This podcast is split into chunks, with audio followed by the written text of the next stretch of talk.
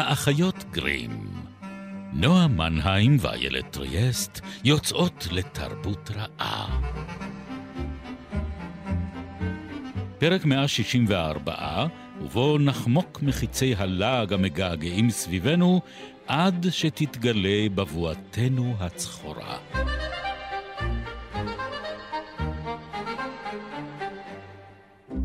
היה קיץ נעים, ומזג האוויר היה ממש נפלא. שדות החיטה הרחבים נראו כמו שטיח זהוב, והשיבולים התנועעו בכבדות ברוח הקלה כמו גלים שקטים במים. היבול שכבר נאסף נערם בערימות, ולהקה של חסידות אדומות רגליים ומקור שוחחו זו עם זו בשפה עתיקה שלמדו מאבות אבותיהן. אגמים התנוצצו בין העצים האבותים שלרגלי הארמון העתיק. זה היה מבצר מפואר, מוקף תעלת מים עמוקים, שעל גדותיה צמחו שיחים ירוקים וסבוכים. מקום מסתור לכל מי שרצה להתחבא. כאן, בתוך אחד השיחים, דגרה ברווזה על ביצים. זמן רב ישבה הברווזה בתוך השיח, וכבר הייתה עייפה מרוב דגירה. סוף סוף הגיע זמן הבקיעה. ומתוך כל ביצה יצא אפרוח קטן וזהוב. ציף ציף, הגעתי, צייץ כל אפרוח שיצא לאוויר העולם, והברווזה קידמה את פניו, קוואק קוואק, ברוך הבא.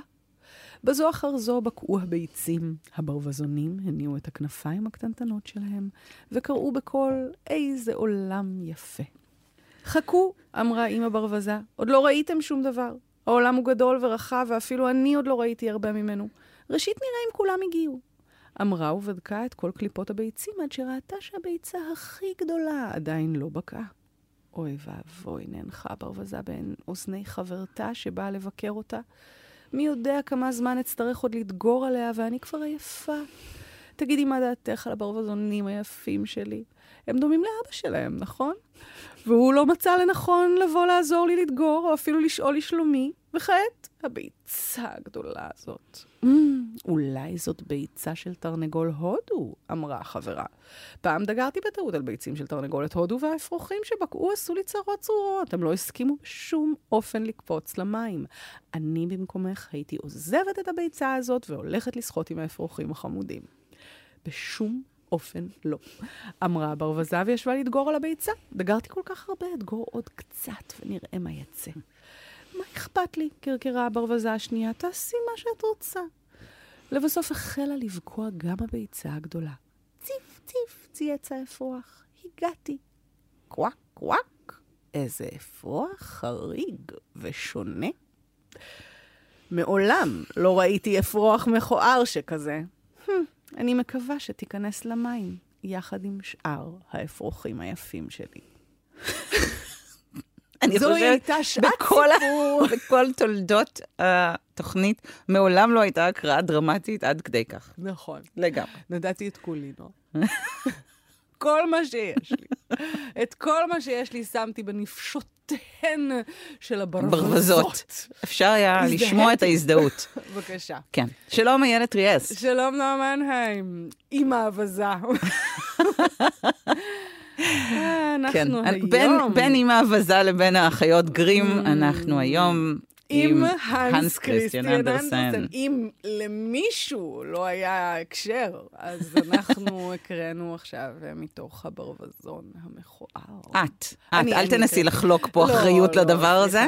קחי אותה. אה, כן, זה היה הברווזון המכוער, ו- אחת הגרסאות, מאוד קשה עם אנדרסן לקבל את הגרסה המקורית, התרגום, זאת אומרת, הזכויות כבר עבדו מזמן, אז יש כל כך הרבה עיבודים ותרגומים. זה אפילו לא קשור לזכויות, זה קרה כבר, כן. אה, כבר בימי חייו, זה כבר עבר הרבה מאוד אה, עיבודים וקיצוצים ותרגומים מסורסים ו- ומוגבלים. אבל זה קצת, זוהי דרכן של אגדות. הן אה, אכן. סוג של פולקלור, הן עוברות אה, מפה לאוזן. גם כשהן אה, על ידי הורים לילדיהם. מקוריות, כן, כמו זהו. במקרה שלנו.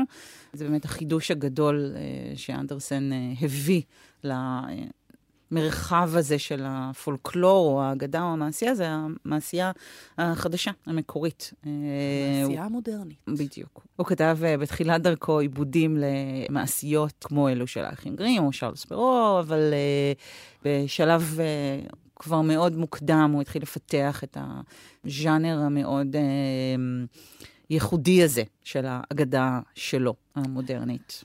אבל לא סתם הוא פיתח את הז'אנר, הוא יצר אותה בצלמו ובדמותו.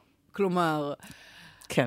המוטיב אולי החוזר ביותר אה, במגוון אה, באמת גדול של יצירות הוא אה, הברווזון המכוער. זאת אומרת, זה ממש trope, כן. עיקרון שחוזר על עצמו ו- ומוטיב שמופיע בכל כך הרבה, אי אפשר לספור, אי אפשר. לדעת. את כאילו גודל ההשפעה של האיש הזה על, על משהו שכאילו הדהד בנפשותיהם של כל, כל כך הרבה אנשים, וקודם כל בנפשו שלו. שלו. כן. אני חושבת שיש כאן איזשהו גלגול של trope קודם, אה, שאנדרסן נתן לו את ה... דיוק. את הדיוק המאוד מאוד מיוחד שלו. כלומר, אנחנו מדברות על טרופ שאפשר לגלול אותו לאחור, לישו, נקרא לזה ככה, או למלך ארתור, לצורך העניין. זאת אומרת, אה, מישהו שמגיע מ... או משה, בסדר? מישהו שמגיע מרקע לכאורה מאוד פשוט, ואפילו מושפל, ורואה חזירים, כן? בן של נגר.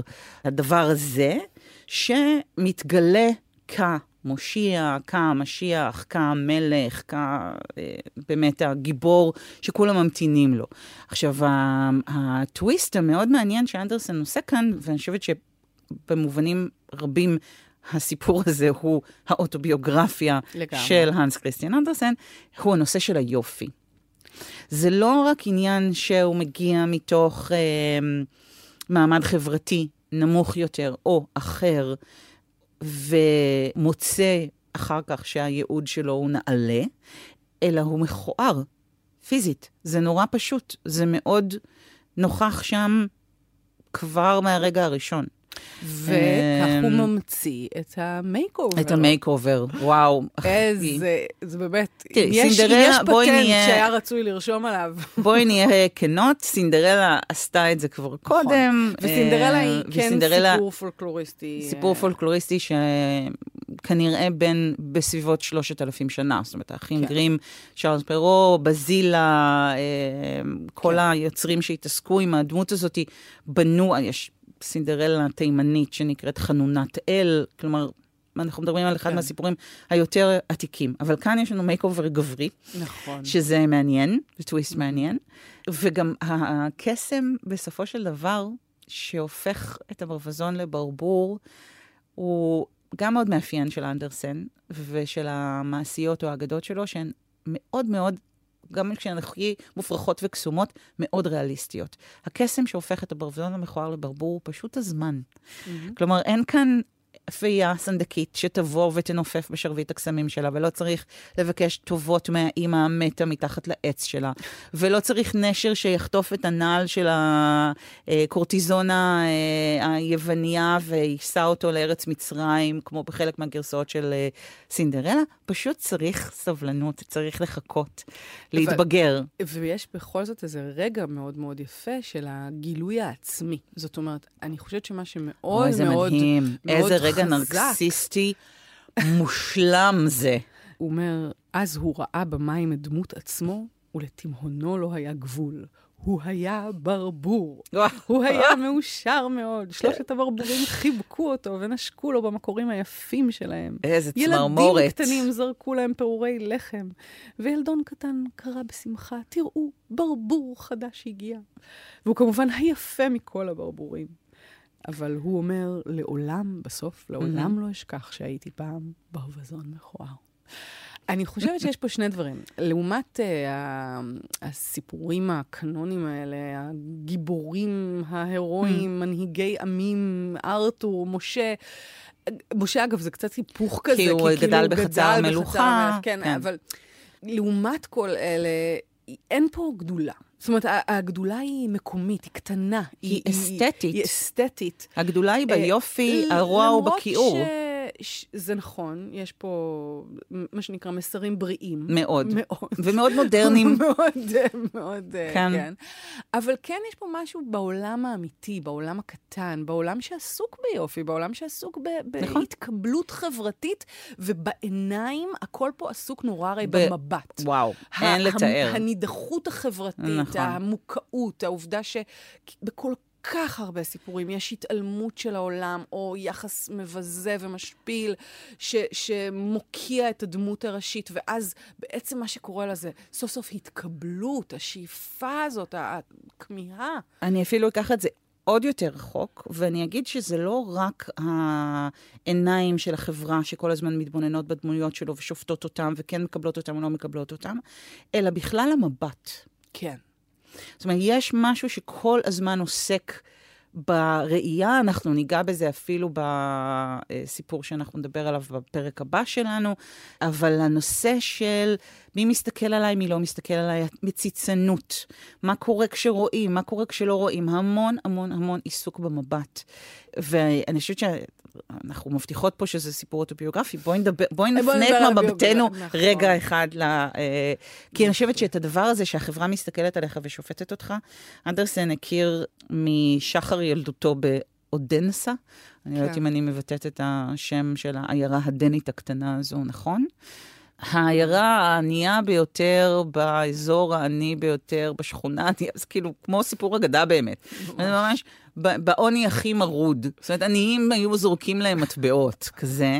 הקבצן של אה, הקבצנים. הקבצן של הקבצנים, לגמרי. אה, משפחה, בוא נגיד, עם אה, גם כתם מוסרי עליה. אימא שלו הייתה... בתה של נערה עובדת, נקרא לזה ככה, ושל שוטי הכפר. זה פשוט, אין איזה שושלת שאי אפשר להתחרות בה. היא הייתה כובסת. היא הייתה כובסת, והיה... ואבא שלו היה סנדלר, סמרטוטר. כן, אבל היא הייתה כובסת שכנראה גם עשתה אה, השלמת הכנסה. לא בטוח שאבא שלו הוא אכן אביו הביולוגי. או, אבל אם כבר את אה, מכניסה את זה לתמונה, אז האגדה המאוחרת מספרת שכמובן בלילה מושלג הונח על מפתן הבית העני והבקתה המטה ליפול תינוק. מלכותי. אכן. בנו הסודי של מלך דנמרק. משהו רקוב. משהו היה מאוד רקוב. בממלכה, ילד. אה, והוא גודל כמובן. כמו הברווזון המכוער. ממש בין המלך והאני. כן, אבל כמו הברווזון המכוער, כביצה כן. שהונחה במקום הלא נכון. בוא נגיד שככה, אין הרבה עדויות שזה באמת קרה. כן. אבל לפחות ברמת הפנטזיה, הרי יש פנטזיה כזאת ברור, לילדים, ברור, הם, שהם מאומצים, מאומצים, שזה לא ההורים שלהם, כן. שהם בני מלוכה שהונחו בבית לא, לא תואם למידותיהם. יום אחד מישהו ייתן להם לשלוף איזה חרב מאבן, נכון, וכולם יראו. נכון. אז אנדרסן היה צריך לשלוף שפן מהכובע. זאת אומרת, אחרי מות אביו, שהוא דווקא היה השפעה מאוד, אה, מאוד גדולה עליו, אבא שלו סיפר לו אגדות. וגם אמא שלו, הבנתי שזה דווקא היה... קריא לו אה, את אלף לילה ולילה. כן. וגם שייקספיר. וגם שייקספיר, כן, נכון, הוא, נכון. הוא, אומרת, ג'ון הפרא שלנו. הוא היה משכיל. זאת אומרת, באמת יש פה איזה מיקס מעניין בין ילד שגדל, כן, באופן, זאת אומרת, מלומד אה, על ידי אבא שלו, ואימא שלו כן תרמה לו את סיפורי האגדות העממיים. והמיקס הזה, כן. ועוד בדנית. כן. זאת אומרת, אה, בעוני פיזי, אבל באושר, אה, נקרא לזה רוחני, או... אינטלקטואלי מסוים, אבל הוא לא למד לימודים מסודרים לא. עד שלב הרבה יותר מאוחר של חייו. עד גיל 17. אבא שלו נפטר, אחותו למחצה, גם היא נאלצה לפנות לזנות, כי המשפחה באמת הייתה מאוד מאוד ענייה, ואנדרסן אה, חיזר על פתחים. כשפתחו לו, הוא הציע אה, לקרוא לנאספים קריאה דרמטית אה, משיריו, לספר להם סיפורים, והוא ממש היה, כמו שאומרים באנגלית, singing for his supper. היה לו קול טנור נכון, נעים. נכון. בהתחלה. שהתחלף. וואו. גם זה, הנה. לא, אין לו שום מזל. פה הזמן לא עשה לו טוב. לא. את רואה, לא. האלמנט היפה שהיה לו, השתבש. הוא רצה אה, לשיר, אבל הקול שלו התחלף. כן. והוא רצה להשתתף ב... הוא נורא נמשך לעולם התיאטרון, הוא חלם להיות שחקן, או לפחות לשיר במקהלה, אבל היה, הייתה לו גם חרדת קהל וגם כנראה מידה של דיסלקציה, והוא לא הצליח אה, לקרוא מן הדף ולא הצליח לעמוד מול קהל, ופשוט, באמת, כל, הייתה תקופה שבה כל דבר שהוא ניסה, ה... זה אפילו לא, נגיד, הגורל או המציאות, הגוף שלו, הגוף שלו בגד בו שוב ושוב ושוב, ולא אפשר לו להגיע למקומות שהוא ביקש להגיע אליהם. זה ובוא באמת נגיד טרגי את זה, נורא. הוא, הוא היה אדם, זאת אומרת, משהו בפיזיות שלו היה... הוא היה מכוער הילד, תגידי את זה. ניסיתי למצוא מילה אין מילה, אחרת. אין מילה. כן, אין. יש תמונות. יש תמונות. הן שוות תמונה פה שווה אלף מילים. אלף מילים. אין, לא היה אדם אה, נאה ב, אה, בשום אה, סטנדרט של... כן, אבל אני חושבת שזה היה יותר מזה. כי אני חושבת שהרי יופי, בואי, זה לא רק תווי פנים. זה לא, לא, משהו בוודאי. ממש בעמדה הפנימית. אה, ובמובן הזה היה בו משהו כל כך חרד חברתית וכל כך אה, משווע לאהבה וכל כך נידי. שזה כן. אולי התכונה הקשה ביותר לבני אדם לסבול, כן. הצורך שמישהו כל כך חשוף בצורך שלו, עכשיו זה קורע לב, באמת, מאוד. לראות את, ה- נכון. את ההזדקקות הזאת שלו.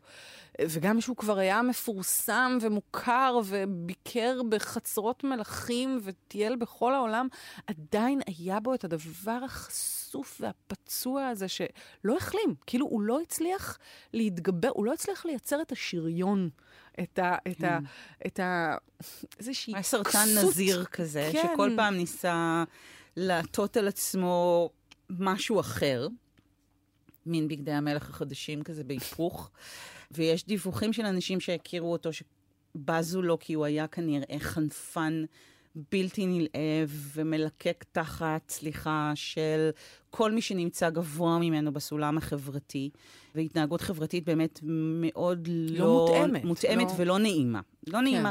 מישהו שאתה טורדנית. אתה רוצה, הוא נכנס לחדר ואנשים פשוט נודדים לצד אחר של החדר, וכמובן, ה, ה, אולי סיטואציה או הסיפור הכי מפורסם על זה, הוא הסיפור של הקשר שלו עם צ'ארלס דיקנס, שעל פניו הם נראים כמו חברים מאוד סבירים זה של זה, כי העניין שלהם בשכבות החברתיות הנמוכות, וה... התחושה הזו של uh, צדק חברתי שמפעמת ביצירה שלהם, הריאליזם שלהם, אפילו בתוך, כאמור, האגדות המעשיות של אנדרסן. אנדרסן העריץ את דיקנס, הוא חיכה לפגוש אותו, הוא הגיע למסיבה באנגליה, הציגו אותו בפני דיקנס, הייתה להם כנראה שיחה מאוד מאוד נעימה. כן. שבסופה דיקנס עשה את הטעות ואמר לאנדרסן, אז פעם הבאה שאתה באנגליה, קפוץ אלינו. ואנדרסן אכן עשה זאת, זה לקח לו עשר שנים לחזור לאנגליה, והוא בא להתארח לשבועיים. והוא נשאר חודש וחצי בערך. רק על זה צריך לדון אותו. עכשיו, הוא הגיע לבית משפחת דיקנס ברגע מאוד אה, לא נוח בחייו של המחבר, וואו. שאולי אנחנו נרחיב עליו כשנדבר על דיקנס עצמו, אבל הטיימינג שלו היה מזעזע. שותלת פה רמזים על ימין אכן. ושמאל, כן. ו- אבל גם הביקור עצמו היה מחריד. כן, אפילו הילדים כך, בזו לו. הילדים בזו לו, הם לא סבלו אותו, הם רצו להתרחק ממנו, ולמרות שהוא גם, הייתה לו דווקא גישה מדהימה לילדים כנראה. זאת אומרת, הוא ידע לעשות, יש צילומים של זה, אני, אנחנו נשים אה, דוגמאות אה, בקבוצת הפייסבוק שלנו. הוא ידע להכין מגזרות נייר יפהפיות, דברים באמת אה, זעירים ומושלמים ומלאי דמיון ונורא מגניבים. אז הוא הכין להם כאלה, והוא סיפר להם כמובן מלא סיפורים. ועדיין קייט, הבת של דיקנס, בזיכרונותיה כותבת שהוא היה מגושם ונשאר ונשאר ונשאר ולא הלך והיה מאוד קשה איתו. הוא רצה שהבן הבכור של אה, דיקנס יגלח אותו, כי ככה היה נהוג בדנמרק. לא, דברים קשים. עד כדי כך שעם לכתו, דיקנס נכנס, לפחות לפי הסיפור, לחדר השינה שבו הוא התארח, וכתב על המראה, בחדר זה התארח הנס אנדרסן במשך חמישה שבועות, שנדמו למשפחה כנצח. מאוד קשה. וואי, איזה אבל. כמו שאמרת לפני כן, על העניין המחמיר הלב הזה, כן. דיקנס מפסיק לענות למכתבים שלו, ממש אה, מנתק איתו את הקשר. חד צדדית. כן. ואנדרסן ממשיך לכתוב לו, ואלה מכתבים קורעי לב. כמה הוא אוהב אותו, וכמה הביקור אצלו היה משמעותי בחייו, וכמה הוא מודה על הסבלנות שלהם, והוא יודע שהוא בלתי נסבל. הוא כותב, אני יודע שאני קשה, ואני יודע שאני תובעני, והייתם כל כך מקסימים עליי כולם, וזה פשוט הפער האדיר בין האופן שבו הוא נתפס לבין האופן שבו הוא מתבטא, לבין האופן שבו הוא מתפקד בעולם. יש שם חללים באמת קורעי לב בגודלם, ברוחבם. כן. אמ, עצוב מאוד. ממש. כאילו גם במקרה הזה, זה קצת, אני כן קצת חוזרת לעוד אדם שדיברנו עליו באליס, וונדרלנד, אה, כאילו אה, לואיס קראול. כי כן. גם, גם שם היה את המוזרות החברתית הזאת, אבל אצל, אצל לואיס קראול יש תחושה שלפחות הייתה לו משפחה שמאוד אהבה אותו, mm-hmm. והיה שם איזה קשר משפחתי מאוד חזק. עם האחיות שלו. עם האחיות, כן. כן. אה, כאילו הייתה... משהו בחברות היה מכוות נכון יותר, לפחות ברמה האינטימית. אה, אבל כן באופן שבו הוא תקשר עם העולם, כן. במקומות האלה שבסוף החרימו אותו וניתקו איתו קשר, וכל mm. המוזרויות אה, החברתיות. ועוד קאול חי באיזה מין, אה, נקרא לזה... כיפה מגוננת כזאת בתוך הקולג' כן. עם עוד גברים אחרים שנשבעו לנדרי פרישות בתוך המרחב המאוד סגור הזה של ההשכלה הגבוהה האקדמית הבריטית. הוא לא ניסה להתחכך עם שועי עם, הוא לא ניסה למצוא את עצמו בתוך החברה הגבוהה, ש... מישהי כתבה על אנדרסן שהוא, אה, כל מה שהוא רוצה לעשות זה להשתמש במילים שלו כדי לבנות מהן סולם ולעלות אליו למדרגה חברתית גבוהה יותר. וזה...